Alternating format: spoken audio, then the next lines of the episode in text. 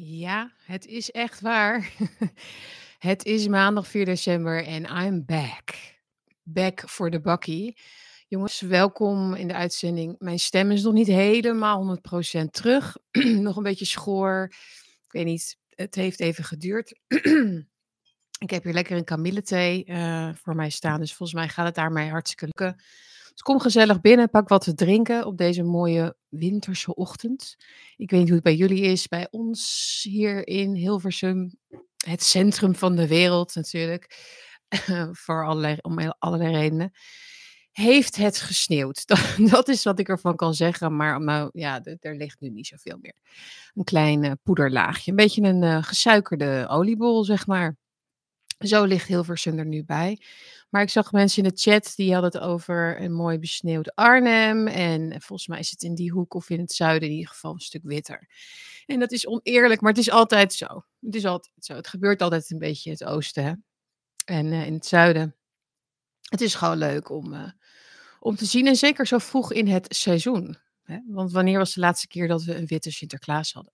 Volgens mij jaren geleden. En ook zo mooi getimed, hè? Precies tijdens uh, de klimaattop in Dubai waar de vliegtuigen bevroren. Nee, dat was het ook weer. Ergens anders was dat.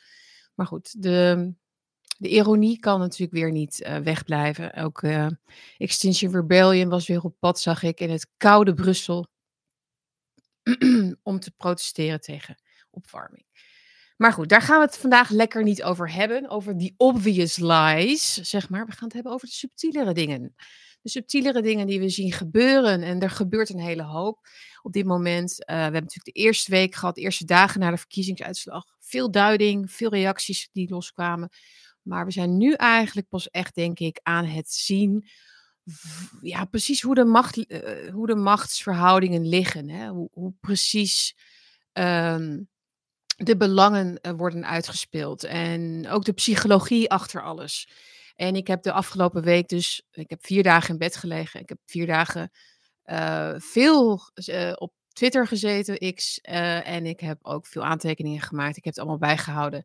En af en toe ook een harde kreet geslagen van, ja, wat, wat, wie zijn die mensen? Een beetje andersom geredeneerd. Dat ze niet begrijpen wat er is gebeurd. En dan heb ik het natuurlijk over de linkse media. Dus ik heb een hele hoop voor jullie uh, opgespaard. Ik moest even uitmesten, mijn aantekeningen even uitmesten net, om er nog wat, uh, ja, zeg dat, constructiefs van te maken. Maar dat gaat vanzelf wel, denk ik. Heel erg bedankt uh, trouwens voor alle beterschapswensen. Ontzettend aardig. En ik had ook nog een kaartje, maar dat was volgens mij was dat een, nog een laat verjaardagskaartje. De post. Dankjewel, 20 euro erin. Van Hetty, ontzettend aardig. Dus je kunt post sturen naar postbus 189 1200 Anton Dirk in Hilversum. Bakkie met Bergsma, postbus 189 1200 Anton Dirk in Hilversum. Zeg ik even zo vlak voor de kerst. uh, nee, dus dankjewel jongens voor de, voor de, ja, voor de virtuele fruitmanden en zo. Het was wel nodig, want ik was echt, uh, ik, ik heb ik ben wel eens vaker een beetje snotterig of zo. Maar ik had echt koorts. En dat heeft wel echt uh, drie dagen geduurd. Niet hoog, maar uh, wat was het? 38,5. En toen de laatste, toen donderdag kreeg ik ook nog keelpijn. Wat raar is, want volgens mij moet je altijd eerst keelpijn krijgen, toch? En dan. Dus het was een hele rare, raar verloop eigenlijk. En vrijdag uh, ja, was mijn eerste dag weer even dat ik naar buiten ging. En nou, dat was ook nodig, want er moesten natuurlijk surprises worden gemaakt. Dus ja, dat, uh, zo gaat het hè. Je kunt als moeder, dat zullen misschien veel vrouwen en mannen natuurlijk, vaders ook wel herkennen. Ziek zijn is eigenlijk ontzettende, ja, dat, dat kan eigenlijk natuurlijk helemaal niet. Er is niet, niet zoiets als jezelf helemaal overgeven daaraan. Al was het thuis vond wel erg. Erg lief hoor, verder. Dus, um, ja. Alright. Welkom jongens in de chat. Like, deel de uitzending en dan gaan we lekker beginnen. Uh, ja, veel bekende namen zie ik. Josephine, Sietske, Daantje. Even kijken, wat ik nog meer? Fred natuurlijk. Bas, Erik, Wijnand. iemand zegt, of Sietske zegt, het ik vind het woord thuisfront altijd zo vreemd. Het is toch geen oorlogsgebied? Speak for yourself. Geen oorlogsgebied? Nou, Jongens, alles is een front. Alles is een front. Vriendschappen zijn een front. Samenwerkingen, collega's, werk. Alles is een, alles is een oorlogsfront. Thuisfront. Nee, ik snap wat je bedoelt. Ehm, ja, op jullie gezondheid ook, inderdaad. Laten we deze maand gezond blijven, zeg ik. En dankbaar voor wat wij hebben. Want ik las gisteren in de. Ehm, gewoon op, op uh, de Telegraaf, volgens mij, online. Dat er zaterdagavond een ongeluk was geweest op de A1. Waarbij een gezin met twee kinderen.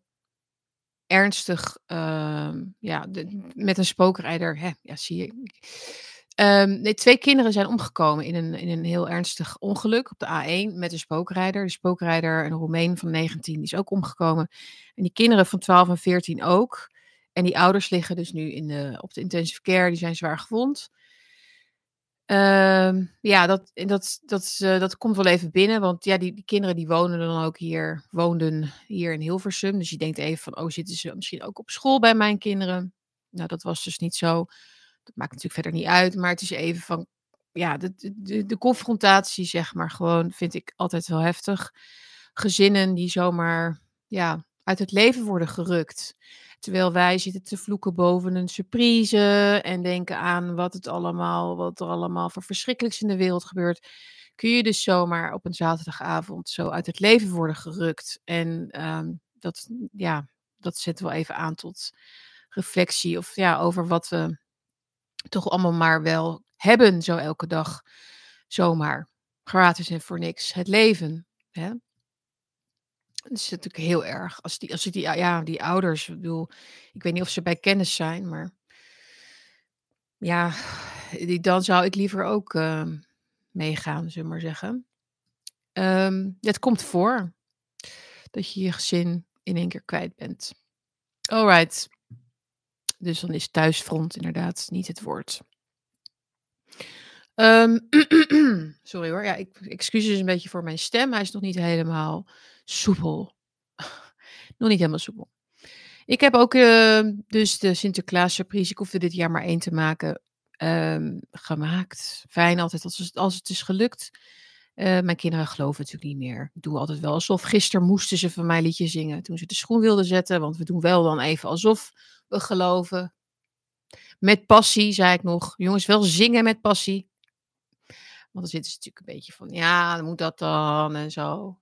Maar dat, dat vind ik dan vermakelijk. nee, ja. Dus uh, je, ik vind het, een, het is een feest voor jong en oud. Ik vind het niet geloven is natuurlijk eigenlijk een, is een fase. En op een gegeven moment zijn ze weer wat ouder. Dan kun je ook weer terug naar de gedichten. Dus ik hoop dat dat volgend jaar misschien kan. Dan gaan we dat doen. Want dat vind ik wel heel erg leuk. Dus ik las ook dat de etalages in Amsterdam heel Sinterklaas eh, hebben overgeslagen. Het is meteen kerstversiering, want mensen willen de gezelligheid, las ik. Alsof een gezellige Sint en Piet etalage niet gezellig is. Heel gezellig, toch? Maar ja, dat uh, is natuurlijk voor de toeristen. De toerist bepaalt. De, je voorstellen dat je, dat je je stad inricht op mensen die voorbijgangers zijn. Dat, ja, ja, de portemonnee bepaald, zou ik willen zeggen. Um, alright. Dus dat. Nu had ik vorige week dus aangekondigd om het te hebben over de antirechtsstatelijkheid van de PVV. De vermeende antirechtsstatelijkheid van de PVV. En ik heb hem toen even laten staan in de titel. Hè, gerefreshed, nieuwe datum erin gezet voor vandaag. Wel met het idee van, nou, ik weet niet of ik dat nog steeds ga bespreken. Want misschien zijn we dat station over een week wel weer gepasseerd. Ziet iedereen wel in hoe selectief verontwaardigd we doen over de grondwet onder vuur en dat soort zaken. En de rechtsstaat op de helling. Maar dat is niet zo, want het is nog steeds, wordt het dus overal geroepen. Door allerlei instanties, maar ook door allerlei columnisten. De Wim Voermans, ik heb ze allemaal opgeschreven. De Siem Eikelenbooms. Um, Even kijken, er waren nog een paar. Caroline Gruiter, allemaal de, ja, dus de mainstream kranten staan er gewoon vol mee. Er was zelfs een artikel vanochtend, zag ik, wat ging over wel, voor, voor, welk, voor welk doel vecht ons leger straks als de grondwet op de helling komt te staan. Weet je wel, dat soort grote vragen worden ineens opgeworpen. Want de, alleen al de gedachte dat de PVV macht zou krijgen in een regering, gedeelde macht, maar dat maakt niet uit, macht zou krijgen, dat leidt dus dit, dit soort grote existentiële vragen bij de grote denkers, de GGZ-intellectuelen van Nederland. Dus ik dacht, nou ja, dat is dus op een gegeven moment wel uitgewerkt, dat, dat, die verontwaardiging. Maar het is nog steeds zo, dus laten we het er maar gewoon toch over hebben.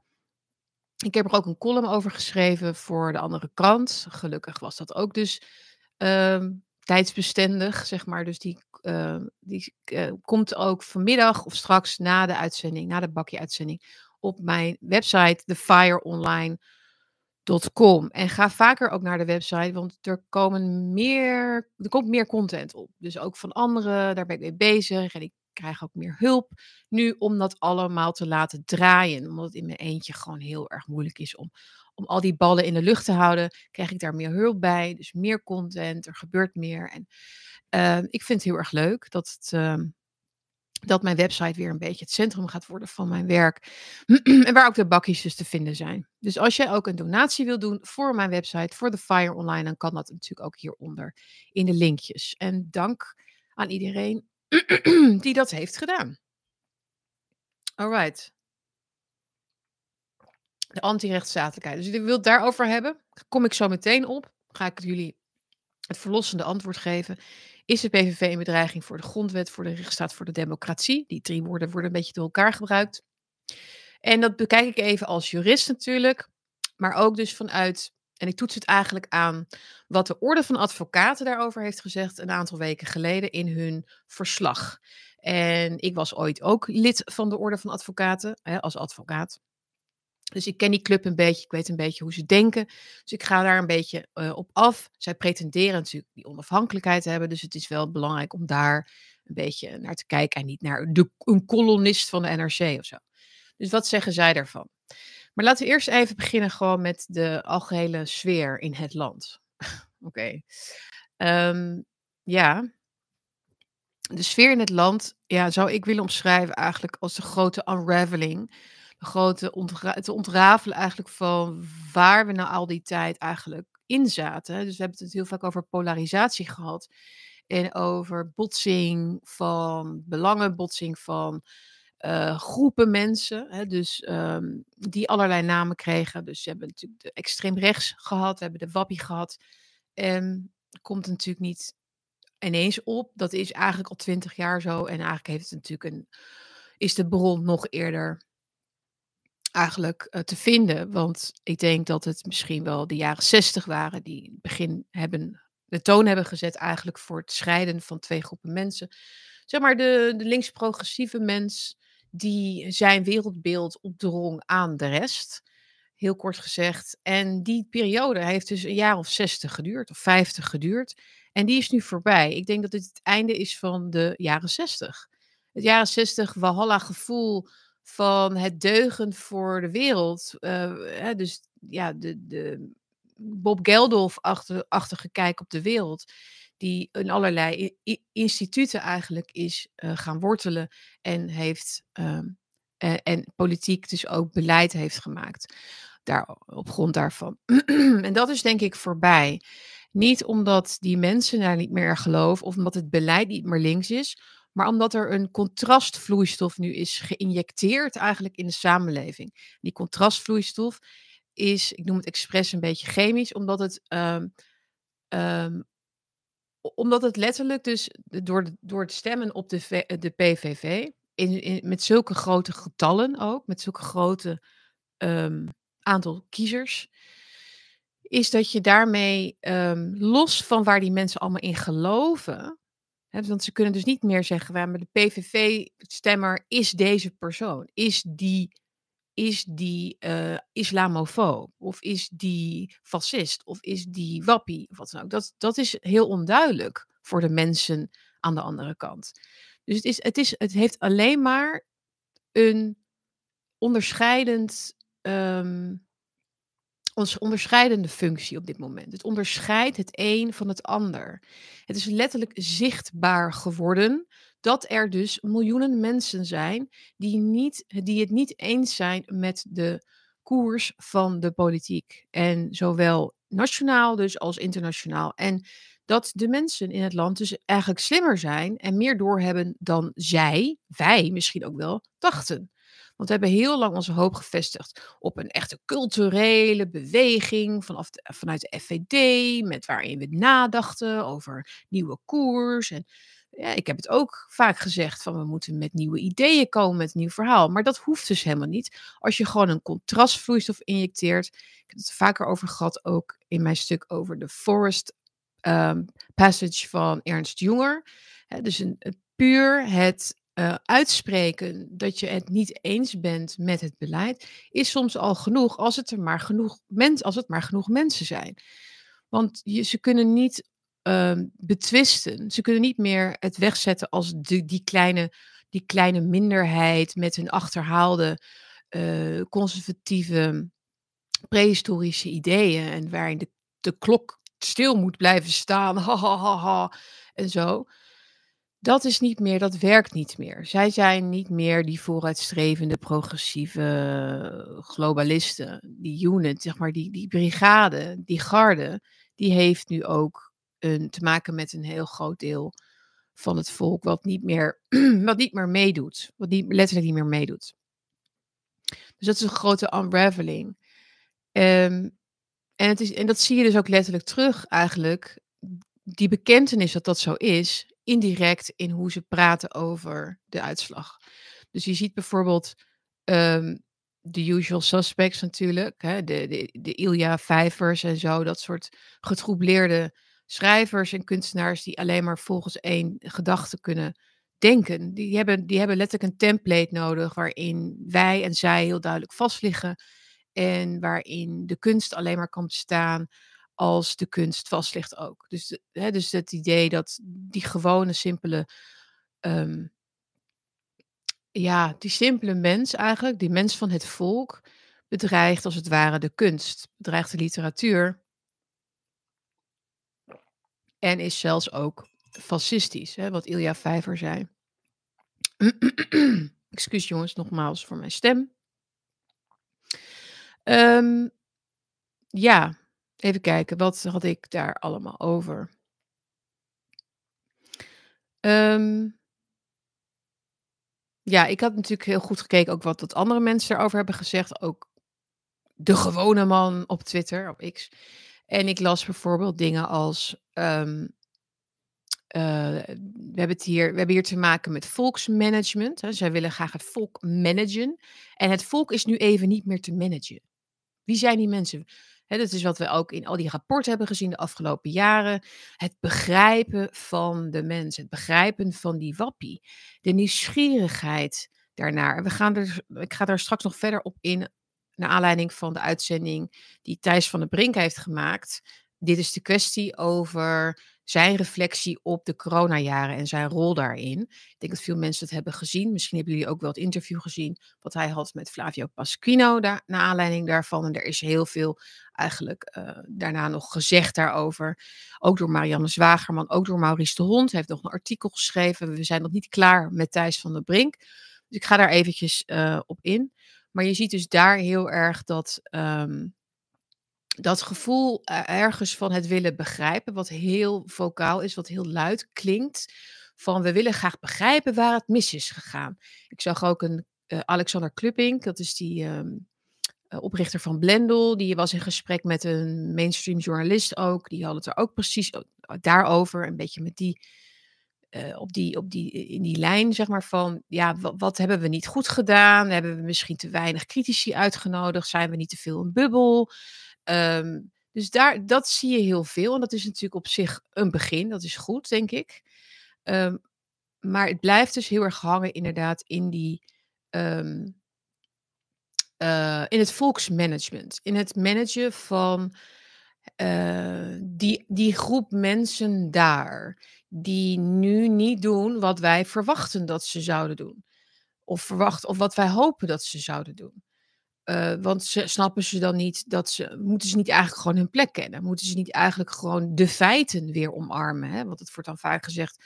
die desinformatie waar de mensen allemaal achteraan lopen. Nee, moeten ze niet gewoon weer de feiten omarmen en de mainstream en die onafhankelijkheid en objectiviteit die wij, als het ware, belichamen. Wij belichamen die onafhankelijke kwaliteitsjournalistiek. En hoe krijgen we ze weer in het geloof? Dat is wat ik hoor. Dat is wat ik hoor bij al, al, die, al die journalisten van Thijs van der Brink ook. Ze zullen het niet zo zeggen, want dan, dan klinkt het DD natuurlijk heel erg in door. Maar dat is wat ze natuurlijk bedoelen. Laten we het zo nog verder even uitpakken. Dat, dat hoor ik, dus, dus het volksmanagement verhaal, wat iemand anders ook opmerkte op X. En ik las uh, iemand die zei: uh, de afwijkende mening wordt door de mensen die in de instituten werken gezien als ondermijning van het eigen bestaansrecht, niet als kritiek op hun functioneren. Helemaal eens. De afwijkende mening wordt door de mensen gezien als ondermijning van het eigen bestaansrecht. Ja, ze voelen zich letterlijk uh, bedreigd in hun bestaan. Dit heeft niks te maken met het bedreigd worden in hun gelijk. Of dat ze geconfronteerd worden met argumenten. Het, het argument bijvoorbeeld, wij willen dat het anders gaat, want wat jullie doen werkt niet. Hè, zeg ik heel even algemeen. Wij willen immigratiestop bijvoorbeeld. Die argumenten daarvoor worden niet gehoord, omdat het gaat niet over het gelijk willen krijgen. Het gelijk lag al vast. Het gaat helemaal, dit, dit zijn geen mensen die uit zijn op een bewijzen van hun gelijk in deze, maar op hun redden van hun bestaan, waaraan dat gelijk eigenlijk is gekoppeld. Het is één geworden met hun zijn. Dus alle woorden die zij gebruiken, net als Wim Voermans het heeft over de grondwet en zo, en de, de mensenrechten heb ik allemaal gehoord, en uh, de, de, solidariteit met alle burgers en onze vrijheid en dat soort zaken. Dat zijn allemaal hele mooie woorden waarmee ze zijn samengesmolten, als het ware. Ik schreef ook op. Um, um, ja, dus het samensmelten met dat verhaal dat, we zien daar heel erg bewijzen nu voor. Ze kunnen dat zelf niet zo zien, maar ik zie dat wel zo. En ik wil eigenlijk de parallel gebruiken met de ruit, waar damp tegenaan slaat. Zoals nu, ik had over contrastvloeistof, maar je kunt ook deze misschien visualiseren. Dus er is een ruit, schreef ik, waardoor we kijken naar de wereld. Waardoor we kijken naar hun wereld. Zo kun je het eigenlijk zeggen. Dus er is een binnen en een buiten. Ik zit binnen en ik kijk naar die wereld waarin grote politieke evenementen plaatsvinden, waarin leiders bepaalde uh, politieke plannen uiteenzetten, die worden uitgerold, uh, klimaatplannen, uh, geld naar Oekraïne, noem het allemaal maar op. Dingen die we wel en niet mogen zeggen. Het gaat van woke tot klimaat tot allerlei andere wetten die er moeten komen. Digitale euro's. You will own nothing. Weet je, die hele. Het verhaal, het verhaal daarbuiten. Dus je kijkt van binnen door het glas naar hun wereld. Naar die wereld waarin zij geloven in die maakbare mens of de maakbare wereld. En daarin dus de mens zelf eigenlijk op het laatste laatste plan zetten. Het geluk van de mensen, het, de autonomie van de mensen. We hebben het heel vaak over gehad. Zo kijk ik naar buiten door het glas. Dus ik kan het wel zien, maar ik zit niet daarin. Um, maar zij, zij hebben geen ruit. Ze hebben geen tussen. Ze hebben geen venster. Ze hebben geen filter. dus voor hun is, het, is dat de wereld. Dus de, die links-progressieve kijk, zeg maar. Er is geen alternatief. Hè? Gibt geen alternatief. De Angela Merkel worldview die Rutte aanhangt, die al die politici aanhangen. Denk, ik denk in feite ook Pieter Omtzigt, hè, die, ook, die, die kan niet denken in dat er een alternatief is. Dit is de wereld, dit is de soep waar ik in zit. Hè. De, soep, de soep waar ik in draai, zeg maar, dat, dat, daar kan ik niet uit. Er is geen alternatief. De normie-wereld wordt het ook wel genoemd. En er is dus geen binnen en buiten. Zoals een baby dus ook geen binnen en buiten nog snapt hè, van zichzelf. Een baby, uh, ga, lees het maar na, die, die, heeft, die zit ook in zo'n soepje, in een oersoepje noemen ze dat. Hij denkt, of zij denkt, dat mama ook hij of zij is. Hè? Dus dat is één. Dat is, een, dat is een letterlijk een, dus een stagnatie of een ja, beperking van de ontwikkeling of zo bij bepaalde mensen. Ik wil dat niet te veel psychologiseren in die zin, want ik denk dat dat helemaal niet zo, dat moet je niet zo heel letterlijk nemen. Dat, dat het geen volwassenen zijn of zo, dat bedoel ik niet. Maar ja, sommige kan je wel echt zo ver gaan misschien. Maar er is wel, laat ik het gewoon kinderlijk noemen. Dus een kinderlijke ehm, vervlechting of ja, eh, gehechtheid eigenlijk aan het verhaal waar je voor hebt gekozen. Het verhaal waarin de overheid voor jou zorgt. En de andere mensen moeten dat ook doen. En iedereen moet hetzelfde doen. Alles anders, ja, is het. Dan zitten we niet allemaal in die soep, zeg maar. Dan snappen ze het niet meer. En die mensen, die smelten dus samen met dat verhaal en zien woorden en begrippen als van als handige decoratie voor gevoelens en sentimenten. Zo schreef ik het op. Dus al dat gepraat over de democratie en de grondwet is handige decoratie voor gevoelens en sentimenten. Ze grijpen naar de grootste woorden, de grootste, belangrijkste, meest eh, in het ja, meest ehm, bepalende misschien wel ehm 21ste eeuw terminologie of zoiets. Hè? Dus we hebben het al 100 jaar natuurlijk al over. De democratie nooit meer en zo nooit meer eh, Hitler-Duitsland. En daarom moeten we die grondwet, en daarom moeten we die rechtsstaat, en we moeten blij zijn, enzovoort, enzovoort. En daarom moeten we ook al die dictaturen over de hele wereld, moeten we allemaal naar de democratie helpen, want dan pas. Hè, dus dat is dat, dat die zendingstrang zit erin. Ehm, en in al dat eh, retorische geweld en in al dat ja, dat, al, die, al die psychische mm, eigenlijk zelfbevrediging, hoe noem je dat? Van, van wij zijn de beste, wij, zijn, wij hebben het gelijk. Zijn ze dus vergeten om te kijken naar hoe dat werkelijk heeft uitgepakt. Hoe precies de, de rechtsstaat nu functioneert. En of inderdaad alle mensen gelijk zijn voor de wet in Nederland. En ze zijn, ze zijn meer dan bereid om, om, om gewoon hele evidente breuken met die grondwet. Hele evidente breuken met die rechtsstaat. gewoon te negeren. Gewoon, het- het- maar ze zien, het, ze zien het gewoon niet. Ze zien niet hoe zij aan die ruit zitten met hun vieze vingers. eh, en proberen dus eh, om, ja, eh, om, om die vieze vingers waar ze op zitten, zeg maar, de, ehm, het forensische bewijs, noem ik dat maar even dan. ehm, dat zien zij niet. Maar de damp, dus de uitslag van de verkiezingen, is de damp tegen die ruit.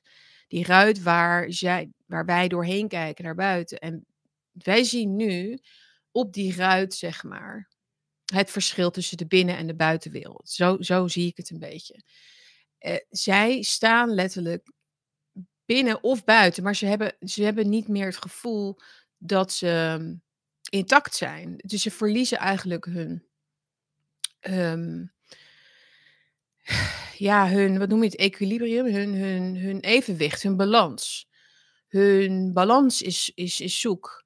En dat is een vorm van uh, depressie, denk ik. Het is een soort, uh, ja, letterlijke bedreiging dus voor hun bestaansrecht. En ik denk dat dat absoluut bij heel veel gevallen duidelijk is. Uh, ik denk dat er ook een hele grote groep weer, net als met alles, jongens. Hè, dat, ik zeg niet dat iedereen een soort ah, helemaal gek geworden is.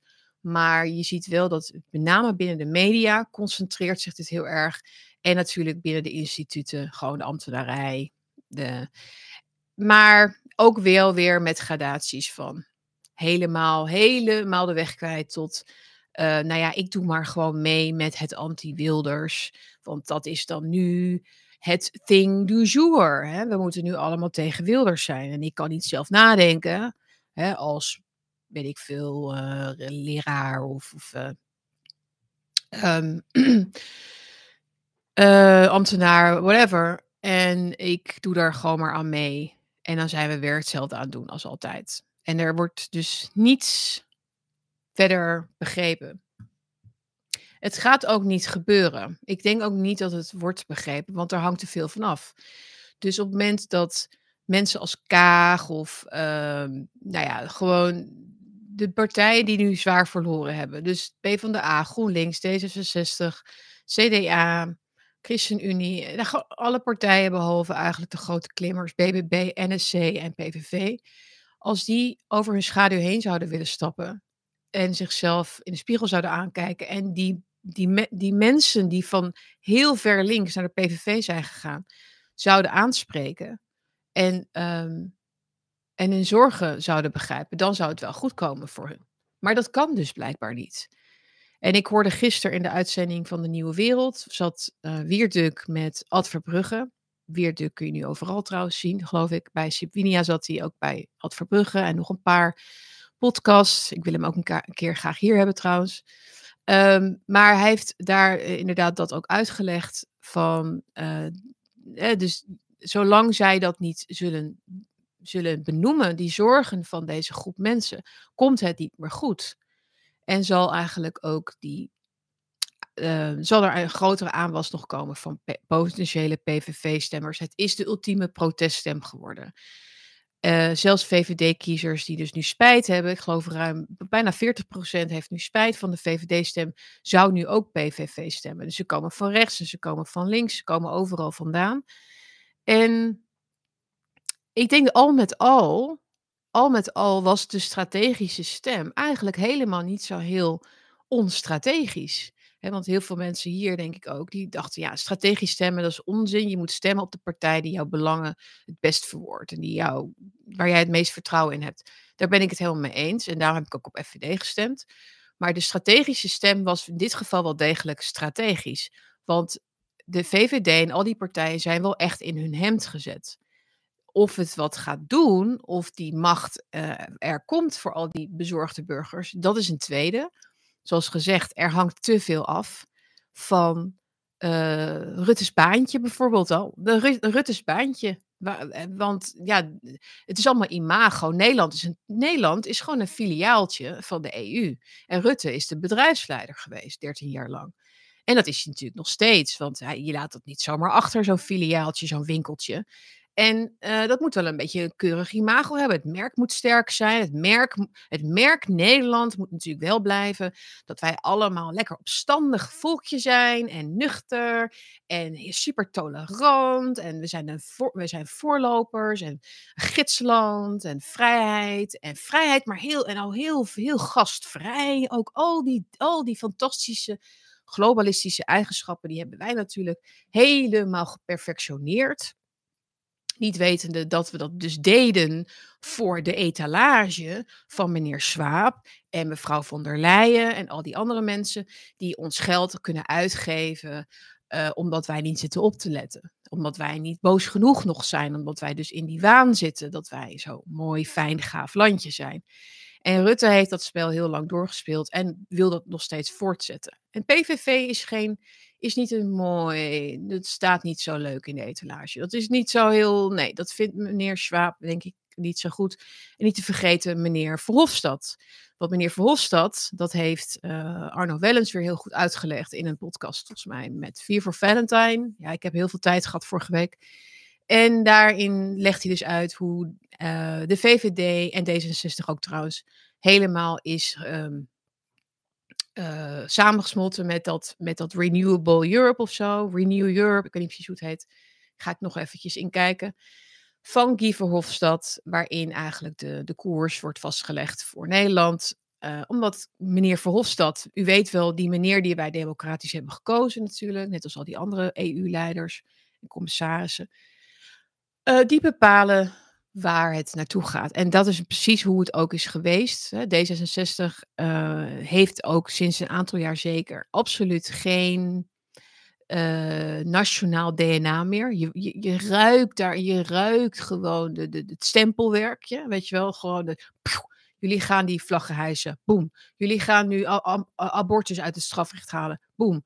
Dus eh, euthanasie, meer dood, meer verderf, meer, minder leven, minder geluk en, en, en meer regels en meer controle over de mensen.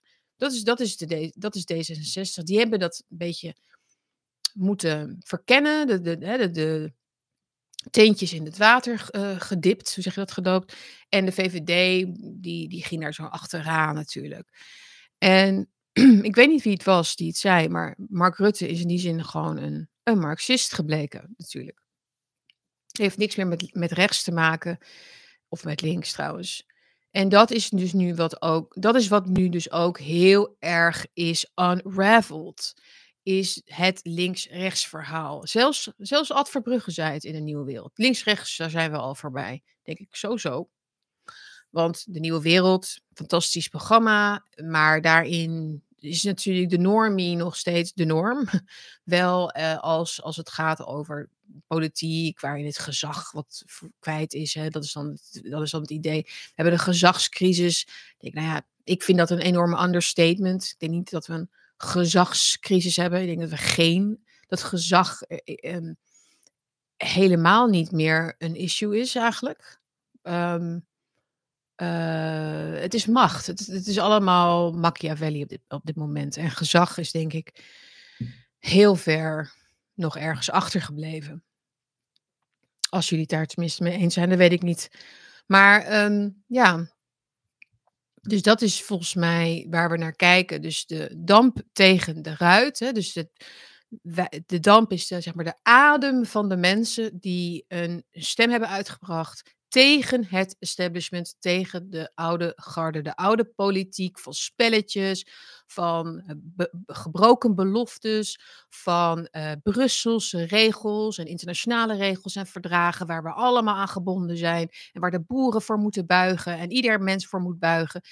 Dat, dat idee, dat is, ehm, dat is ja, overleden. Dat is eigenlijk een, de, de conclusie die ik, eh, die ik trek. En er zullen steeds meer mensen zijn die zich gaan scharen bij de kritische massa. Of eh, zoals, eh, wie noemde, of zoals Ilja Vijvert noemde, de dictatuur van de massa. Dus wij zijn nu eigenlijk van een wappie minderheid, die paar gekkies, weet je nog. Eh, hoeveel waren het ook alweer? 10.000, 50.000 volgens het rapport van de NCTV. Zijn we nu ineens een dictatuur van de massa geworden. Dus we zijn nu de massa blijkbaar. Interessante ehm, omdraaiing ineens. Net als dat eh, Caroline Gruiter, hoe heet zij, van een krant, ik weet niet. Die had het over, ja, zoiets van, ja, dit kan wel zijn gebeurd allemaal. Iedereen heeft gestemd voor PVV. Maar wij zijn ook, dit is, dit is letterlijk haar, wij zijn ook het volk. Laat, laat, die even, laat die even landen, die uitspraak. Dus zij is echt zo'n typische mainstream normie bimbo, zeg maar. Zo, ja, niet bimbo, niet bimbo, sorry. Ik bedoel, ze is gewoon zo'n... Ja, ze heeft vast van die eh, blond koppen thuis. Ken je die? Blond servies. Blond servies columnisten noem ik dat dan maar even hier. Het komt even zo aan mij op hoor. Uh, misschien heb je dan een beeld. Um, en zij had het dus over, wij zijn ook het volk. Oh, oké. Dus, is, dus pas op het moment dat het spannend wordt, op het moment dat je wordt aangevallen in jouw bestaansrecht dus, wil jij ook wel even het volk zijn, just for the sake of argument. Want er is niets wat ze, wat ze, wat ze meer uh, walging, eigenlijk is het woord misschien wel, meer walging bij ze oproept dan het volk. Het volk is op de redacties van de grote kranten, ja, een soort een subject, een ja, een studie subject, maar dat studeren ze niet echt. Ze hebben een mening klaar daarover. Het volk heeft in een, in een aantal jaar tijd al de connotatie eigen volk eerst gekregen, toch? Als je het hebt over het volk, het volk heeft gekozen, dan zal iemand links ter linkerzijde, noem ik dan, wat bedoel je daarmee? Bedoel je je eigen volk of bedoel je de wereldgemeenschap waarin ieder mens mag wonen waar die wil, want je kunt er niks aan doen waar je wiegje heeft gestaan. Waar je wiegje heeft gestaan. La la la la la, Frans Timmermans. De wieg, hè? de wieg waar je wieg heeft gestaan. Ja, oké. Dus dat is uh, natuurlijk de grote uh, onthulling dat, dat ze eigenlijk alleen dat ze ook even het volk willen zijn op het moment dat ze zich worden, dat ze worden ontkleed. Hè, dus dat ze zich een beetje bang voelen over het vervolg en over de toekomst. Want wat gaan we doen met die mensen?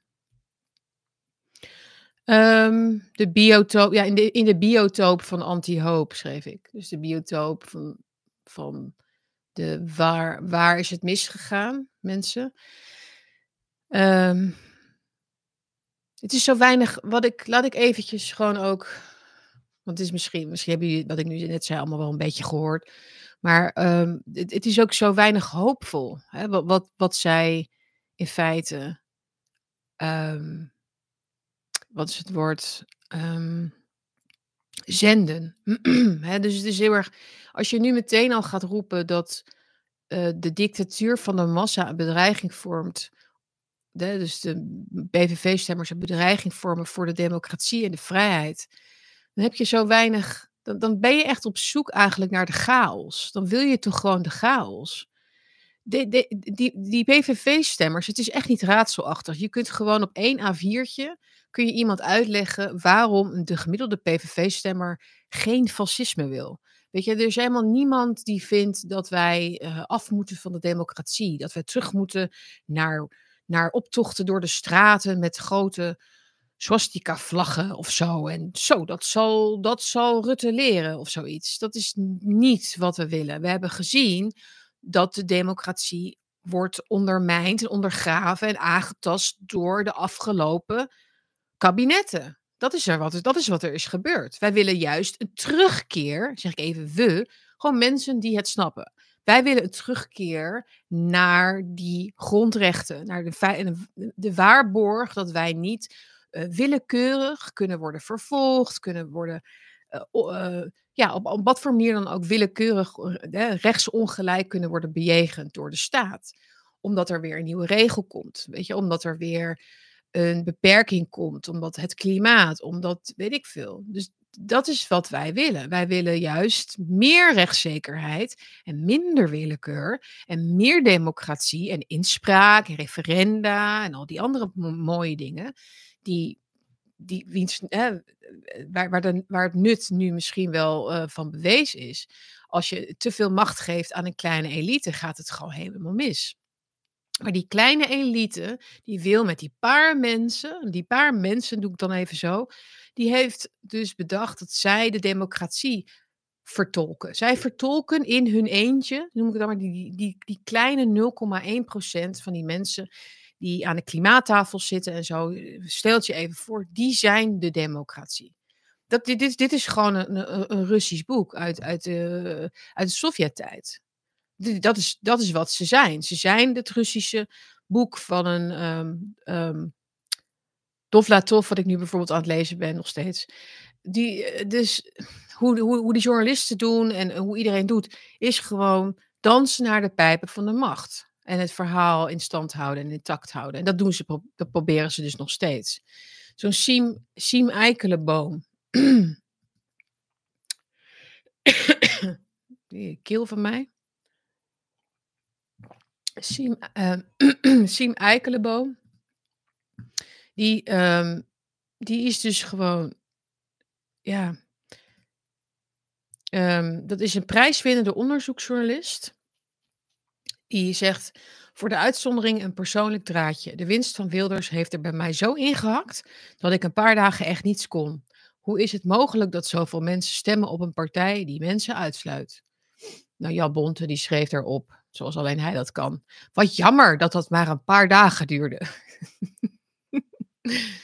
Oké, wat jammer dat je maar een paar dagen niet kon. Ja.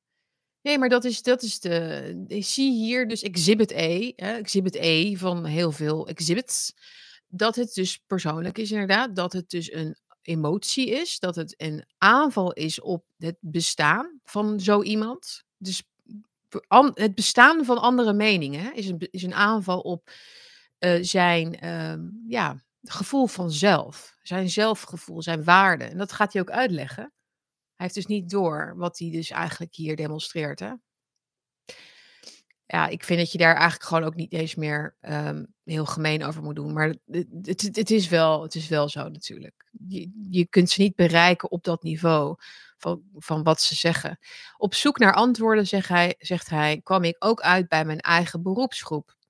De journalistiek. Net als destijds bij de opkomst van Fortuin werden we verrast door het enorme aantal wilderstemmen. Dus net als bij Fortuin werd hij verrast. Dus, dus je werd verrast bij Fortuin. Dat, kan ik me nog wel voorstellen. Toch? Eh, voor alles is een eerste keer. En dan is er dus twintig jaar overheen gegaan. En dan heb je nog steeds, ben je nog steeds verrast. Omdat je dacht wat, dat die mensen allemaal weg zouden gaan of zo. Of die zouden dan bijdraaien. Of die zouden dan ook bij de linkse cult komen. Want ja, hè, je kunt maar zo lang de waarheid ontkennen. Hè? Je kunt maar zo lang het linkse globalistische wef verhaal afwijzen. Uiteindelijk moeten we allemaal in de waarheid leven. Nee, natuurlijk zijn die niet weggegaan. Die zijn gewoon. Uh, die hebben geduldig gewacht op een moment dat het weer even moest. Het had voor mij wel iets eerder mogen gebeuren. Maar goed. Ja, het is natuurlijk ook wel in stappen gegaan. Hè? FVD eerst en toen BBB en nu dit. Dus nogmaals, in dit bakje ga ik dus niet in op of ik het eens ben dat het via de PVV moest of via de BBB. Want jullie weten wel een beetje hoe ik erover denk, denk ik. Ik vind, uh, zeker met Omtzigt en BBB, ik vind dat zij absoluut niet doorhebben.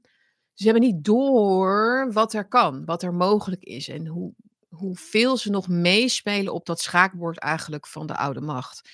Dat is, dat is zeker omzicht. Maar dat kan niet anders dan, dan ook opzet zijn inmiddels, denk ik.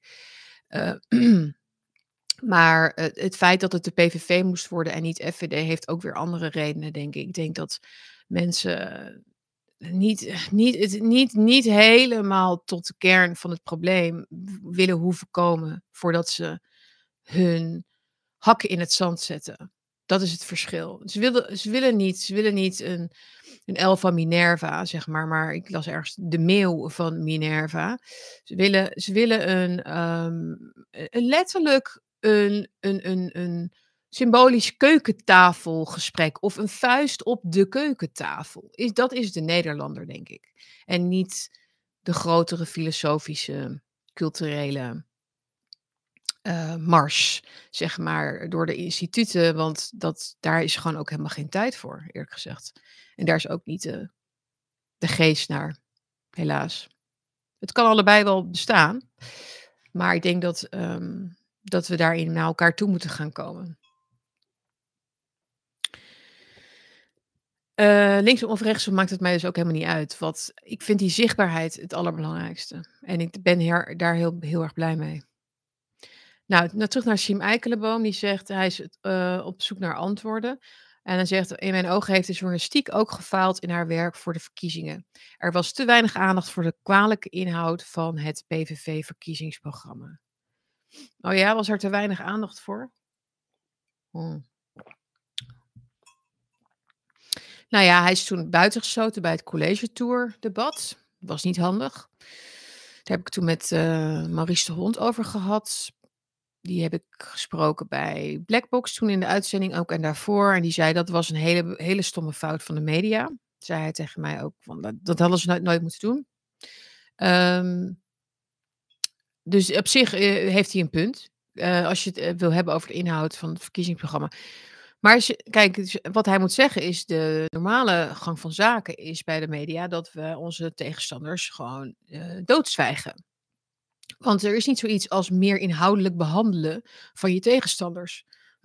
of, of althans van de mensen die jij dus als gevaarlijk uh, ziet. Dus dan, dan is niet de reflex, we gaan de inhoud beter bespreken. Nee, dan is het juist framen, negeren en uh, gewoon rook, in de, rook uit de machine. dat, dat, dat moet hij weten. Maar dat, dat wordt dan ineens dan Um, de parlementaire pers ging te makkelijk mee in het Wilders-frame. En het frame dat de PVV op economisch en sociaal gebied links is, niet dus. Ja, het is allemaal in de marge. Het is allemaal reflectie in de marge. Weet je wel? Ja, we hadden niet moeten zeggen dat PVV op sociaal gebied links is. Is het niet? Nou ja, uh, weet ik niet.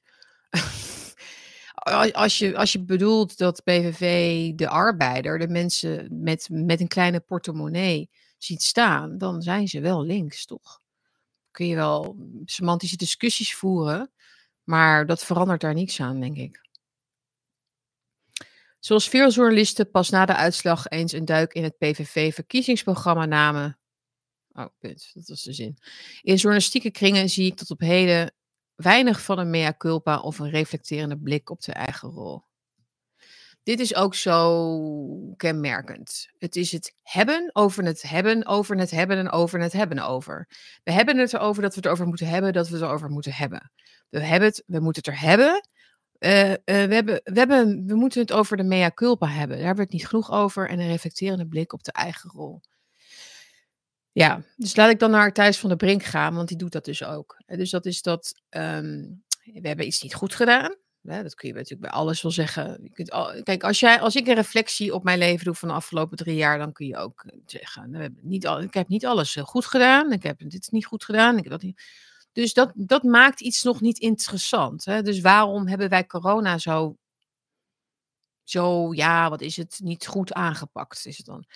Ehm, oké, maar dan moet je wel met een ergens beginnen. Dus wat bedoel je dan? Bedoel je dan dat we niet genoeg uh, feiten boven tafel hebben gekregen? Of hebben wij letterlijk uh, onwaarheid verkondigd of zo? Maar dat, dat is eigenlijk, het, het, blijft steken in dat uh, um, we moeten naar onszelf kijken. Um, en ik denk dat um, Flavio Pasquino gelijk had toen hij zei in de uitzending na de hand met Thijs van der Brink. Van, ik denk dat jij in je, in je programma meer op zoek bent gegaan naar bevestiging dat je het eigenlijk heel goed hebt gedaan. In plaats van dat je werkelijk een oordeel of een reflectie hebt toegepast op de coronajaren.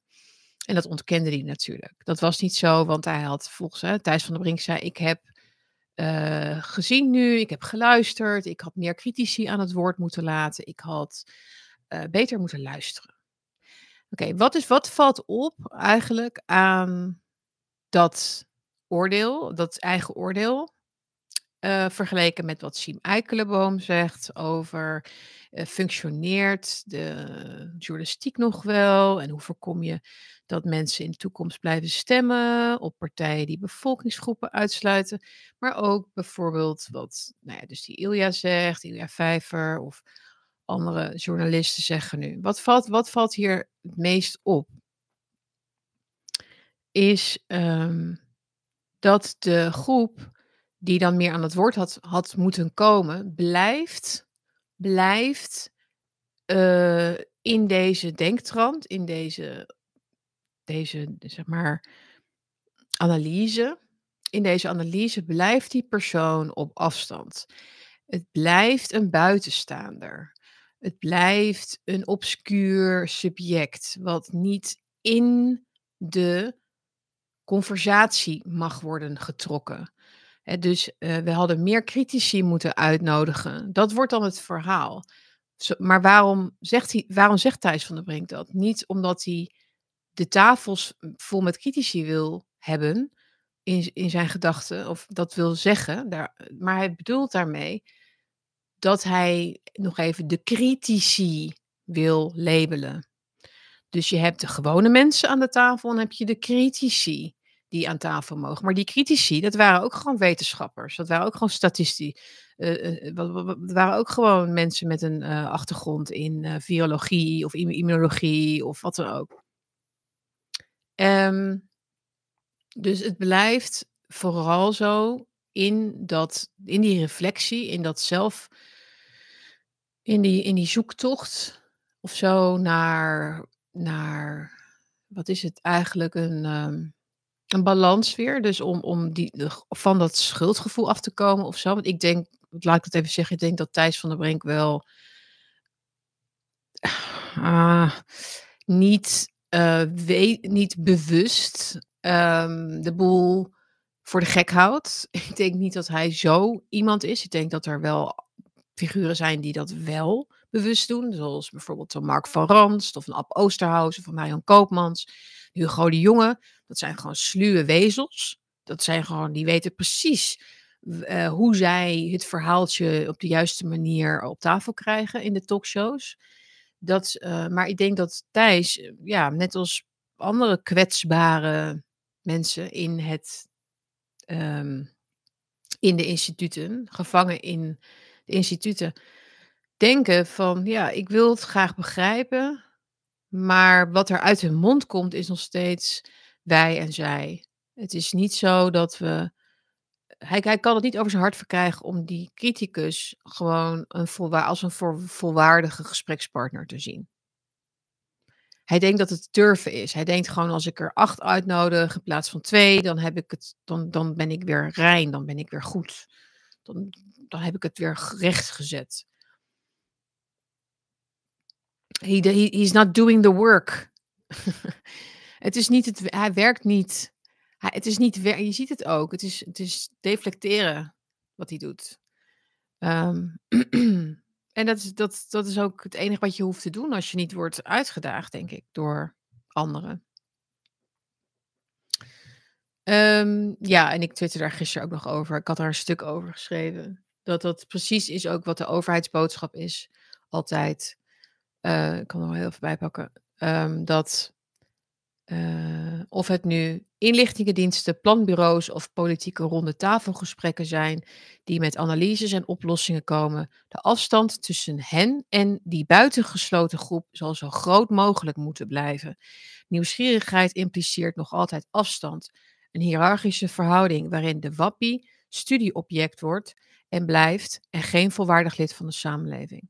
Ja, dat vond ik zelf wel een goede analyse. Dat was um, al een tijdje geleden, een half jaar geleden of zo, dat ik het schreef.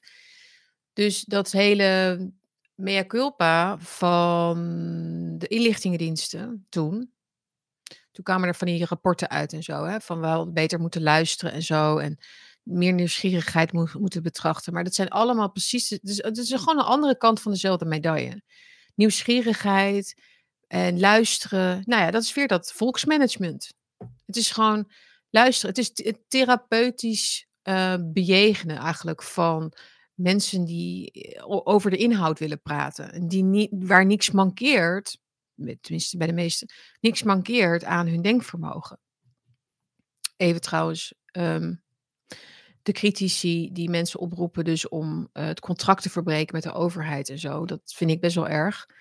Uh, maar goed, daar gaan we het nu niet over hebben. Maar er, er zijn natuurlijk ook wel gewoon serieuze problemen. Um, met de autonomen met name. Ik snap het allemaal hoor, echt waar. Ik, ik, zou ook zo, ik zou ook gewoon zeggen, ik zou het ook willen uitmaken met de overheid. Zo. Gewoon eh, op een post-it of zo, weet je wel. We're done. Gewoon naar de Hoge Raad gaan en dan zeggen: het is over en het is uit. Maar uh, het is een cliché, maar het is wel waar. De overheid is nog niet klaar met jou, hè? zeggen ze dan. Goed. laten we eventjes uh, tempo maken. Het is alweer half twaalf. Ja, Wim Voermans over het grote idee van de grondwet. Hebben jullie dat gezien? Dat was ook weer fraai, hè? Dat is ook weer on demand, de mening uh, switch. Die je daar zag. De grote shapeshifter. Dat is hij zeker. Ik heb ooit college gehad van de man. Het was altijd heel erg, uh, kijk naar mij en, heel, um, ja, een soort tv-dominee typetje. Mm, ja, is dat zo? Ik weet niet. Maar hij had in ieder geval gezegd, we moeten voor het, we moeten nadenken over het grotere idee achter de grondwet. Dat heeft hij bij Buitenhof gezegd gisteren. Uh, de grondwet is meer dan een stelletje regels. Het is een reflectie van een groter idee, legt hoogleraar staats- en bestuursrecht Wim Voermans uit in Buitenhof. Aha, oké, mooi. Ik vind het eh, prachtig. Groter idee, zeker, zeker.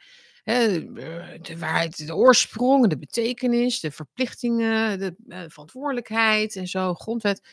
Maar dit is niet wat hij zei tijdens corona. Tijdens corona vond Voermans de schendingen van de grondwet. Dat noemde hij namelijk zo.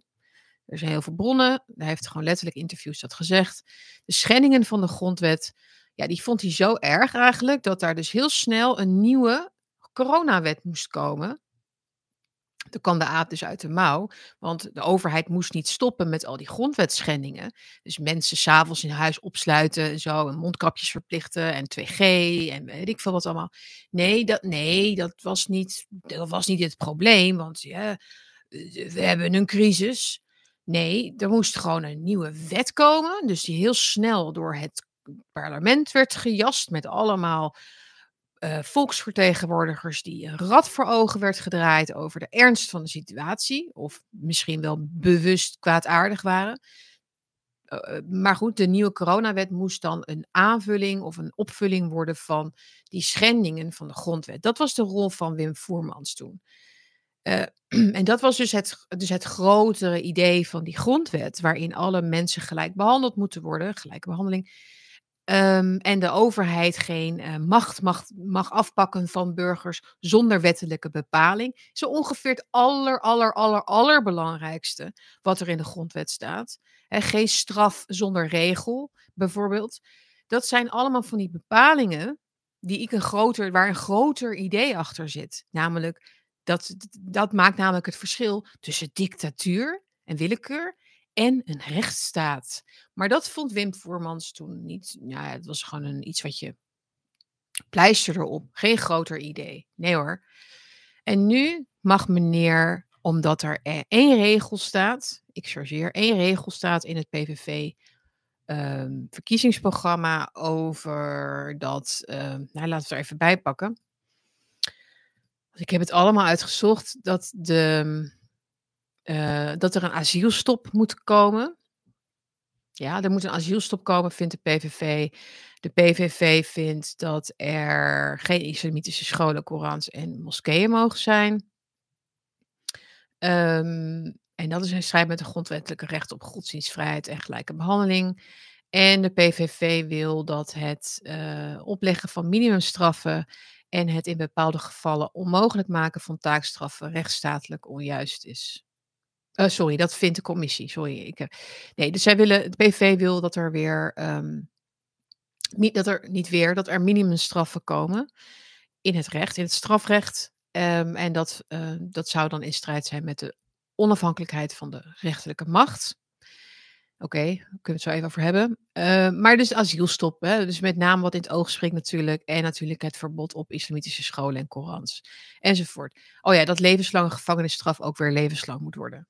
Dat, dat kun je ook. Dat, Oké, dus dat wordt ook genoemd door de grote, de grote denkers van Nederland als het gevaar voor de rechtsstaat en het gevaar voor de grondwet. Dat is dus ook wat die commissie van de NOVA, de Nederlandse Orde van Advocaten, heeft gesignaleerd in hun rapport. Dus dan komen we daar via Voermans dus aan. Die zegt eigenlijk van ja, dit zijn de rood, dan slaat het rood uit hun oordeel. ze hebben groen en geel en rood als een soort van de vier of de drie um, hokjes waar je in kan zitten. En de PVV slaat uit met deze um, plannen eigenlijk. Onrechtstatelijk kan niet tegen de grondwet. Dus, um, dus dat is waar Voermans aan verwijst. Dus het grotere idee van de grondwet wordt bedreigd op het moment dat de PVV die uh, minimumstraffen. Laten we even bij het minst erge beginnen. Dus dit is het ergste wat de Nova heeft kunnen vinden, dus van het PVV-programma. Wat ik net allemaal noemde. Dat is het ergste wat ze hebben kunnen vinden. Dus dat is, daar moet je ook altijd um, kijken naar wat officiële instanties schrijven. Dan weet je dat is het ergste. Erger dan dit wordt het dus niet. Um, want ik kijk weer anders, namelijk naar de programma's.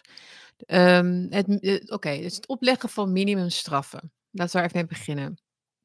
Heeft Wim Voermans dus een punt als hij zegt: we verliezen het het, uh, de, de, de, de, uh, het wezen van de grondwet hè, wordt dan eigenlijk, dat is het grote, het wezen van de grondwet wordt daarmee bedreigd. Uh, het opleggen van minimumstraffen. Het idee dat rechters dan minder um, onafhankelijkheid zouden hebben om dus straf op te leggen, is een heel betrekkelijk uh, uh, argument, zeg maar. Of het is een heel eenzijdig argument, zou ik willen zeggen. Want de rechtsstaat heeft drie um, entiteiten, zeg maar. Heeft drie krachten, drie machten. Je hebt de rechtsprekende macht, je hebt de wetgevende macht, je hebt de uitvoerende macht. Als jij het parlement laat bepalen dat bepaalde strafbare feiten een minimumstraf moeten krijgen, dan heb je daarmee aan een rechtsstatelijk vereiste voldaan. Je hebt gezegd, het volk wil dat er voor, ik zeg, maar wat, zedenmisdrijven minimaal een jaar of wat dan ook, of geen onvoorwaardelijk, of geen voorwaardelijk meer of zo. Oké, dan beperk je daarmee inderdaad het, de ruimte, de vrijheid van een rechter om een lagere straf op te leggen. Maar de, moet, mag een, zegt, zegt de NOVA hier, die, die, onafhankelijke orde van advocaat, zegt de orde hier nu eigenlijk dus dat een rechter altijd alle vrijheid moet hebben, hoe hoog en of hoe laag of wat dan ook. Nee, de rechter is dan juist gebonden aan de kaders binnen de wet. als een, wet, als een volksvertegenwoordiger samen met hè, de regering dus een wet maakt met minimumstraffen, dan is dat democratisch. Dan is dat niet in strijd met de grondwet. Dan is dat niet anti-rechtsstatelijk. Het is een beperking, een beperking van de rechterlijke macht, de vrijheid van de rechterlijke macht, maar uh, ten gunste van de wetgevende macht. Je hebt meer macht daar even gelegd. En soms, soms is, die, is die balans weer, schiet die weer een beetje de andere kant op. Dan zeggen we bijvoorbeeld tegen rechters: jullie mogen op dit gebied bijvoorbeeld, ehm, ik zeg maar wat, over de avondklok zomaar iets beslissen. wij, dat doen wij als parlement niet. Dat laten we dan aan de rechter over. Dus dat is eigenlijk heel raar dat dat zo groot wordt uitgelegd hier. Uh, overigens vind ik alle, alle strafrechtelijke plannen van de PVV alleen maar uh, symboolpolitiek. Want eh, alles wat in het programma staat, bestaat al of, of heeft eigenlijk helemaal geen. Ja, nou ja, of, of het is gewoon letterlijk onmogelijk of, of echt onwenselijk. Bijvoorbeeld dat levenslange gevangenisstraffen weer echt levenslang moeten worden. Dat is dus een PVV-standpunt. Wat heel mooi klinkt. Het is gewoon letterlijk um, ja, echte verkiezingsretoriek. Maar ik begrijp niet wat Wilders bedoelt, want levenslange straffen in Nederland zijn levenslang. Volgens mij zitten er nu op dit moment iets van 30, 40 mensen levenslang straf uit in Nederland. En die is ook gewoon opgelegd als levenslang. Als hij bedoelt dat niemand ooit meer gratie mag krijgen, dan zou dat inderdaad in strijd zijn met uh, artikel 40 van het internationaal verdrag uh, van de rechten van het kind. Oh nee, sorry, dat is uh, artikel 3 EVRM, bedoel ik. Dus artikel 3 van het Europees Verdrag Rechten van de Mens. Er moet altijd iets van hoop blijven bij een gedetineerde dat er gratie kan worden verleend. Maar ik, waarom zou Wilders dat niet willen? Dat, dat, ik bedoel, hij wil gewoon dat mensen in die, weet je wel, fired up worden. Want ze denken, ja, pakken, aanpakken, al die criminelen. Maar dit is, in, in, een, in een kabinetsformatie zou dit zo bedoel, dan zeg je gewoon tegen elkaar bij de koffie van, ja, weet je, dat gaan we er toch wel even uithalen. Het is helemaal niemand die daar verder... Het is een letterlijk tandeloos uh, voorstel. Je, je, kunt, je kunt dat helemaal niet willen, eigenlijk. Net als dat de... net als dat de 14-jarigen zouden volgens de PVV, volgens het volwassenenstrafrecht moeten worden berecht bij zedendelicten waarom zou je dat willen? 14 jaar? Het is gewoon algemeen, een soort algemeen, soort van veert. bedoel, moet ik de PVV, moet ik Fleur Agema uitleggen dat zedendelinquenten, zeker jonge zedendelinquenten, heel vaak ook slachtoffer zijn. Dat is vaak een soort hele rare mix. Dus ik denk niet dat je dat wil. Ik denk dat je kinderen absoluut um, Ehm, nou ja, in het, in het jeugdrecht moet houden. Uitzonderingen daar gelaten, maar dan heb je het echt pas over 16 jaar en ouder, denk ik. Belachelijk voorstel kun je ook gewoon, volgens mij, kun je hem wel uitpraten, denk ik. Nou goed, dan komen we natuurlijk bij het grote, grote probleem wat iedereen heeft. Dat is de asielstop natuurlijk en het verbod op de islamscholen en de uh, Koran. Nou, daar heeft hij van, daarvan heeft hij al gezegd dat hij in de ijskast gaat. En los daarvan, wat veel mensen niet weten. Ik bedoel, hij stopt het in de ijskast. En dan denk ik, ja, maar je kunt het ook weer uit de ijskast halen.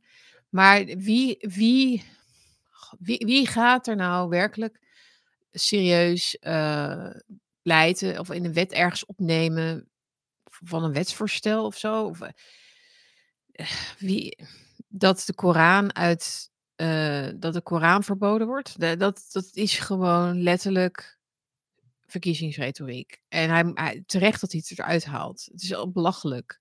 Want hij gijzelt, Wilders gijzelt hiermee wel serieus. Een gewoon normaal gesprek over andere onderwerpen, vind ik. Um, dus waarom, waarom in de ijskast? Waarom zegt hij niet gewoon van gooi het eruit? Want het, het gaat gewoon nooit door doorheen. Het, het, Nederland gaat niet die afslag nemen. Echt niet. Daar geloof ik helemaal niets van. Uh, en over, als het gaat over verbieden van islamitische scholen, dan vind ik wel een grappige uh, andere uh, voorstel. D66 is al heel lang bezig met het verbieden van of het ontmoedigen, hoe noem je dat? Ontmoedigingsbeleid van thuisonderwijs. Van eigenlijk dus eh, het feit dat kinderen niet naar de scholen gaan waar zij de kinderen kunnen hersenspoelen. Dus, eh, en bijzonder onderwijs heeft ook al die jaren natuurlijk hun, uh, hebben ze hun ogen op laten vallen. Dat daar willen ze eigenlijk vanaf. Daar willen ze, maar dat is ook precies wat er gaat gebeuren op het moment dat je islamitische scholen gaat verbieden. Dan gaan ook uiteindelijk de christelijke scholen natuurlijk sneuvelen. Maar dat is eigenlijk iets wat breder leeft dan de PVV, wil ik maar zeggen. Maar op het moment dat je het islam noemt, dan worden mensen natuurlijk een beetje fired up. Maar het bijzonder onderwijs is, ligt sowieso onder vuur in Nederland. Als dan D66 ligt en de VVD en GroenLinks en PvdA, krijgen we allemaal uh, ja, een beetje zo uh, geuniformeerd uh, onderwijs naar Chinees voorbeeld. Toch? Dus we niet zo hypocriet doen en selectief verontwaardigd doen. Dan hebben we op pagina 7 door de Partij van de Arbeid, Partij voor de Arbeid, Partij voor de Vrijheid voorgestelde algehele asielstop. En daarvan zegt de Nederlandse Orde van Advocaten dat is in strijd met de thans geldende verdragen en de van toepassing zijnde wet en regelgeving. Of schoon verdragen kunnen worden opgezegd en wetten kunnen worden gewijzigd, laat dit onverlet dat een asielstop strijd oplevert met fundamentele mensenrechten en ook op gespannen voet staat met het rechtszekerheidsbeginsel. Oké, de Nova heb ik uh, in dit hele rapport al een paar keer betrapt, ook op. Um, nou, hoe zeg je dat? Niet consequent zijn. Want ze zeggen hier, ja, je kunt wetten en verdragen wel natuurlijk veranderen. Dat is democratisch natuurlijk. Uh, maar dan nog, puntje, puntje. Maar ergens anders staat, bijvoorbeeld bij de BBB, maar ook bij de FVD, uh, staat dan de herinvoering van grenscontroles en het schrappen van het volledige stikstofbeleid zijn in strijd met de huidige EU-wetgeving. Dus alle partijen die de stikstofbeleid willen afschaffen uh, en herinvoering willen van grenscontroles bijvoorbeeld, uh, en de BBB had ook nog een aantal punten. de, even kijken, de BBB wil bijvoorbeeld de algemeen belangprocedures gaan kortwieken. Uh, dat kon ook niet, want de wet zegt zus en zo. Ja, maar de wet ga je, kun je veranderen. De wet mag je toch wel veranderen? Mogen al deze partijen niets veranderen aan de wet of zo? Wat is dat dan? Is het in beton gegoten? Blijkbaar. Natuurlijk, ja, het stikstofbeleid is in strijd met de huidige EU-wetgeving. Uh, dus dat kunnen we niet veranderen. Um, ja, en dat wordt dan ook gezien dus als een waarschuwing dat FVD een anti-rechtsstatelijke partij is. Omdat ze de arrogantie hebben om EU-wetgeving te willen veranderen. Dat, dan, dan word je dus al een antidemocraat genoemd. Snap je? Dit is dus de, de kokervisie van ook deze advocaat en deze commissie. Die, um, die ook precies in dezelfde lijn denken. Ik, worden die mensen allemaal te, wat krijgen die allemaal te eten of zo? Ik, eten die allemaal dezelfde rare pilletjes of zoiets? Maar allemaal roepen ze hetzelfde. Laat ik even de samenvatting van het rapport dan doornemen. Uh, doodeng, even kijken. Ja, Hongarije en Polen wordt natuurlijk bijgehaald. De rechtsstaat is nooit vanzelfsprekend. De rechtsstaat moet altijd worden onderhouden en beschermd tegen aantasting. Dat is niet iets wat alleen in het buitenland speelt, zoals in Hongarije en Polen, waar de onafhankelijkheid van de rechterlijke macht wordt ondermijnd door de overheid. Oh, oh ja, onafhankelijk. Oké, als ze echt niet meer weten wat ze moeten zeggen, dan komen ze met Polen en Hongarije. Uh, wat, wat, in Hongarije gebeurt, is uh, letterlijk eigenlijk. Ze zijn zich aan het wapenen juist tegen al die invloed van de EU en al die agenda's. Daarom hebben ze dus de rechterlijke macht een beetje wat. wat uh, ja, noem je dat? Wat instructies gegeven. Zo zou je het wel kunnen noemen. Maar het is niet per se in strijd met, met de onafhankelijkheid van de rechterlijke macht. Het is maar net hoe je onafhankelijkheid wil zien. Onafhankelijk van de rechters hè, op het weftoneel. Hè, want dat zijn natuurlijk de mensen die voor rechtertje willen spelen. Is het niet? We hebben toch al die aanvallen op Viktor Orban gezien. Die mensen in Hongarije zijn hartstikke gelukkig hoor. Ik weet niet of jullie het doorhebben. Maar ehm, daar delen de premiers en al dat soort politici, daar delen allemaal adventkaarsjes en zo. En ehm, de huizen zijn daar veel duurder geworden, omdat heel veel mensen uit, eh, uit Europa allemaal naar Hongarije willen. Dat is niet omdat het daar zo verschrikkelijk uh, onguur is, politiek gezien hoor. Maar goed, je mag het wel noemen. Maar dat is dus een horrorscenario. Nee, dan Nederland. Wat, wat willen we in Nederland dan bijvoorbeeld? Wat is het ideaal volgens de Nova? Dat is dat uh, de overheid moet een menselijk gezicht krijgen. Komt een aantal keer voor in het rapport. Mensen die later binnenkwamen, ik ben dus het rapport over de, de rechtsstaat in verkiezingstijd aan het bespreken van de Nederlandse Orde van Advocaten. En dan specifiek natuurlijk over de PVV. En daarin wordt gezegd dus dat de overheid met een menselijk gezicht geldt als een van de lijnen die de verschillende verkiezingsprogramma's aan elkaar bindt, waarbij ook wordt teruggekeken naar de toeslagenaffaire en de gang van zaken rond de gaswinning in Groningen. Dit leidt in de programma's tot veel aandacht voor de individuele mens, maatwerk en bijvoorbeeld de wens voor een menselijk gezicht. Ik, ik heb het een paar keer uitgehaald. Een menselijk gezicht van de overheid. Uitgangspunt voor veel partijen moet het vertrouwen van de overheid in de burger zijn. Rechtvaardigheid, ook door het hanteren van de menselijke maat, vormt immers de basis van overheidshandelen. Dus het is een mening van de Nova. Hè? Immers en zo vormt de basis, rechtvaardigheid. Ze, halen rechtvaardigheid dus uit, dus allemaal aannames, hè? rechtvaardigheid uit het uitgangspunt dat het vertrouwen, daar vertrouwen van de overheid in de burger moet zijn. Dat vinden ze dan mooi klinken, hè? want dat is natuurlijk andersom. Het is andersom. Hè? Want ergens heb je, burger heeft, voelt natuurlijk wantrouwen naar de overheid, maar wij, wij beantwoorden dat als overheid. De overheid beantwoordt dat met liefde. Wij hebben wel vertrouwen in jullie. Vanaf nu gaan we jullie vertrouwen. Ja, niet het vertrouwen herstellen wat jullie niet meer hebben in ons. Nee, we, gaan, wij kiezen er nu voor om jullie te gaan vertrouwen. Hoe creepy is dat? Ik wil me geen overheid met een menselijk gezicht. Willen jullie een overheid met een menselijk gezicht? Liever niet, eigenlijk. Ik wil een overheid heel ver op afstand. Ik wil dat een overheid een abstractie is.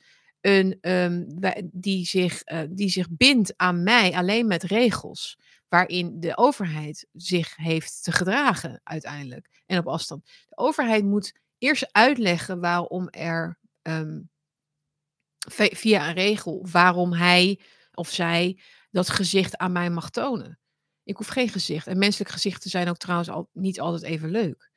Dus wat, wat voor menselijk gezicht moet dat dan zijn? Ga weg.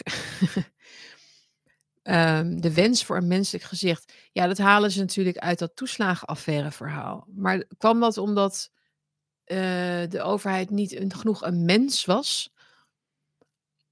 Nee, omdat juist omdat er een, een, een machts. Uh, ja, wat is het? Uh, een bureaucratische moloch ontstond. Um, met te veel macht. Dat is wat er is gebeurd. En meer menselijk, dat, dat betekent dat je ook een masker kunt opzetten. Ja, we luisteren nu. Dat doen ze in feite ook, toch? Het is dat, dat vreselijke, uh, gekmakende. Ja, ik hoor wat u zegt, mevrouw, wat je ook bij klantenservice hebt. Ja, ik hoor wel wat u zegt hoor. Ja, ik, ja, ik kan me dat heel goed invoelen. Ja, ik kan me heel goed invoelen dat u razend bent. Ja. Dat menselijke gezicht hoef ik echt niet hoor in, terug in jullie hok. Dat is wat ik wil. Um, ja. Nou jongens, het is alweer uh, laat. Jullie hebben ook een eigen leven, denk ik. even kijken, kijk nog heel even naar jullie. Um, oh, dankjewel. Iemand heeft een superchat donatie gedaan. Kan ik dat zien wie dat is? een kleine steun van The Untrustable. Nou, een kleine, dat is hartstikke fijn en wordt enorm gewaardeerd. Dank je wel, vooral in deze december maand natuurlijk. Uh, is een donatie natuurlijk sowieso extra welkom. Uh, ook vanwege de nieuwe zin en moed die ik wil um, gaan uh, inzetten, zeg maar, voor een nieuw jaar. Dus dan is een donatie ontzettend welkom. Dank je wel daarvoor. even kijken, had ik nog wat anders volgens mij? moet ik een beetje af gaan ronden. Dus is de PVV antirechtsstatelijk? Dat is een veel te, veel te kort door de bocht. Zeker omdat je dan de selectieve verontwaardiging moet, moet negeren. Er zijn heel veel andere partijen die eh, voorstellen hebben die, die, nou ja, laat ik het zo zeggen, die ehm, niet helemaal de toets kunnen doorstaan van de, van de grondwettelijkheid ervan. Maar wat de Nova niet heeft gedaan, en dat mis ik echt in, in hun analyse, is uh, verkiezingsretoriek scheiden van daadwerkelijk concrete, haalbare plannen. Daar moet je bang voor zijn en niet voor die woorden. En daar moeten we sowieso van af in Nederland. Dat hele, iemand roept iets, nou dan wordt het de volgende genocide. Nee, want sommige dingen die zijn hyperbolisch bedoeld. Hoe noem je dat? Die zijn niet bedoeld om morgen in te voeren. Die zijn een, dat zijn gewoon kleine um, proefballonnetjes. Eh, of het zijn dingen waar mensen in hun achterban uh, verwachtingen bij hebben. Waar ze, waar ze, wat ze graag willen horen. Hogere straffen of zoiets. Uh, Nederland heeft een heel mild strafklimaat. Er is helemaal niets wat dat bedreigt. Ook de PVV niet. En wat die asielstop betreft, dat, uh, laat ik daar even een heel belangrijk punt over maken. De Nova kan mij niet wijsmaken, en ze laten het ook weg, daarom, want ze kunnen het mij niet wijsmaken, maar ze laten het dus ook weg, is um, dat een asielstop natuurlijk juist ook goed is voor de rechtsstaat, en goed is voor de grondwet en voor de gelijke behandeling van burgers, omdat je de problemen die je creëert met overmigratie, met te veel mensen die niet een huis kunnen krijgen of die voor problemen zorgen, waardoor het justitiële systeem vastloopt, door de criminaliteit, door de onveiligheidsgevoelens van mensen. Dat wat je dan creëert, die samenleving die op angst drijft, die uh, op het gevoel drijft dat, ze, dat het niet gelijk is, dat er geen gelijkheid is. Dus op een woning met name bijvoorbeeld. Dat is in strijd met de rechtsstaat. Toch? De rechtsstaat heeft uiteindelijk ook middelen nodig. Heeft ook het vertrouwen nodig, inderdaad, van de burger in die overheid. Dan kunnen overheid mij wel zijn vertrouwen geven. Wat ik, ik bedoel, is er, is er iets neerbuigenders dan dat trouwens? Um, maar de, de asielstop is, een heel, is in 2023 een heel humaan, zou ik willen noemen, humaan voorstel. En uh, ook dus als opening, want je kunt natuurlijk uiteindelijk een compromis krijgen, ook omdat andere partijen dat ook willen. Dus 50.000 per jaar of wat dan ook, iets wat haalbaar is. Maar als, zolang ze dat niet gaan doen en serieus naar gaan kijken, dan gaat inderdaad die rechtsstaat volledig uh, ondermijnd worden. Uh, maar niet omdat we het zo, omdat we onze deug, um, onze deugdprincipes um, opzij hebben gezet, maar omdat we letterlijk bezwijken onder de druk van al die nieuwkomers. Dat is gewoon een feit. Dat is een feit. En die Nova, die zit dus ook in een ivoren torentje blijkbaar, want die hebben dat totaal niet nergens genoemd. Uh, er zijn altijd, zijn altijd twee kanten aan, aan het verhaal natuurlijk. Oké, dat was het jongens voor wat betreft de rechtsstatelijkheid. Maar dit is dus wat ze hebben. Dit zijn de woorden, wapens als staal, noem ik het, of woorden als wapen noem ik het altijd. Ze gebruiken deze termen om uh, ons uh, schuldgevoel aan te praten, om ons uh, aan de verkeerde kant van de geschiedenis te zetten, om ons een slecht gevoel te geven over onze stem, onze, ons verraad eigenlijk aan de oude partijen die het juist allemaal zo goed hebben willen doen. Uh, maar ze kunnen dit natuurlijk niet meer volhouden, want uiteindelijk uh, ja, is het teleurgestelde kiezer nu ook een feit voor wat betreft de oude FVD-stemmers nog, of uh, ehm, VVD-stemmers nog. Dat gaat, niet, dat gaat niet zomaar goed komen, denk ik. Oké. Okay. Uh, jullie hebben het over, jullie hebben het ook nog over het weer, zie ik. Ik vind het allemaal, ik vind het allemaal prima, jongens. Het mag allemaal. Um, even kijken. Jongens, het was een lang bakkie, maar ik, ik had ook even wat in te halen natuurlijk met jullie. Ja, ik hoop dat jullie het uh, interessant vonden, dat jullie er wat aan hebben gehad. Um, ik vind het een hele fascinerende tijd uh, en ik denk dat we er nog heel lang over kunnen hebben. We raken er nog lang niet over uitgepraat. Er gebeurt iets, er is een stem, er is een vibe shift aan de hand. Um, en ik denk dat we daar uh, zeker ook de voor- en tegenstanders, moet ik daarbij zeggen, van het oude beleid, uh, zich daar bewuster van moeten gaan zijn. Dus niet vechten op oud terrein, niet meer vechten met oude conflicten, maar zien wat er verandert gaandeweg en ga daarop verder. Blijf niet hangen in, oh, maar er gebeurt ergens op de wereld nog iets heel ergs. Ook heel erg, maar neem, neem alle voordelen, neem alle veranderingen en prijs, prijs je gelukkig met, een, uh, met, met mensen in dit land. Ik denk dat we daar uh, ons misschien wel in hebben vergist de afgelopen uh, drie jaar. Um, ja, misschien is het niet um, de grote Superman, Batman, Rebel die we hadden verwacht, het, land, het landje. Maar uiteindelijk, ja, met veel kom je, kom je er ook natuurlijk. met meer. We zijn met meer. We zijn met meer, jongens. Dus uh, ik wens iedereen een hele fijne, mooie week. Uh, trek lekker warme trui aan en uh, drink lekker je theetjes en koffie. Want het blijft koud volgens mij. Dus um, um, je kunt mijn artikel dus vanmiddag lezen op de Fire Online. Het linkje zal ik hier straks onder zetten. En abonneer je dus op het kanaal, like en deel. Doe een donatie hieronder via de linkjes. En heel erg dank aan iedereen die dat heeft gedaan. En ik zie jullie waarschijnlijk weer donderdag. En dan ga ik weer een uitzending maken met fragmenten. Dus dat wordt een beetje de donderdag waarschijnlijk. Want die wordt goed ontvangen. En ik vind het ook leuk om, uh, om een edit te doen. Dus um, dat wordt waarschijnlijk donderdag, misschien vrijdag. En uh, nou, tot, tot dan. Oké, ciao.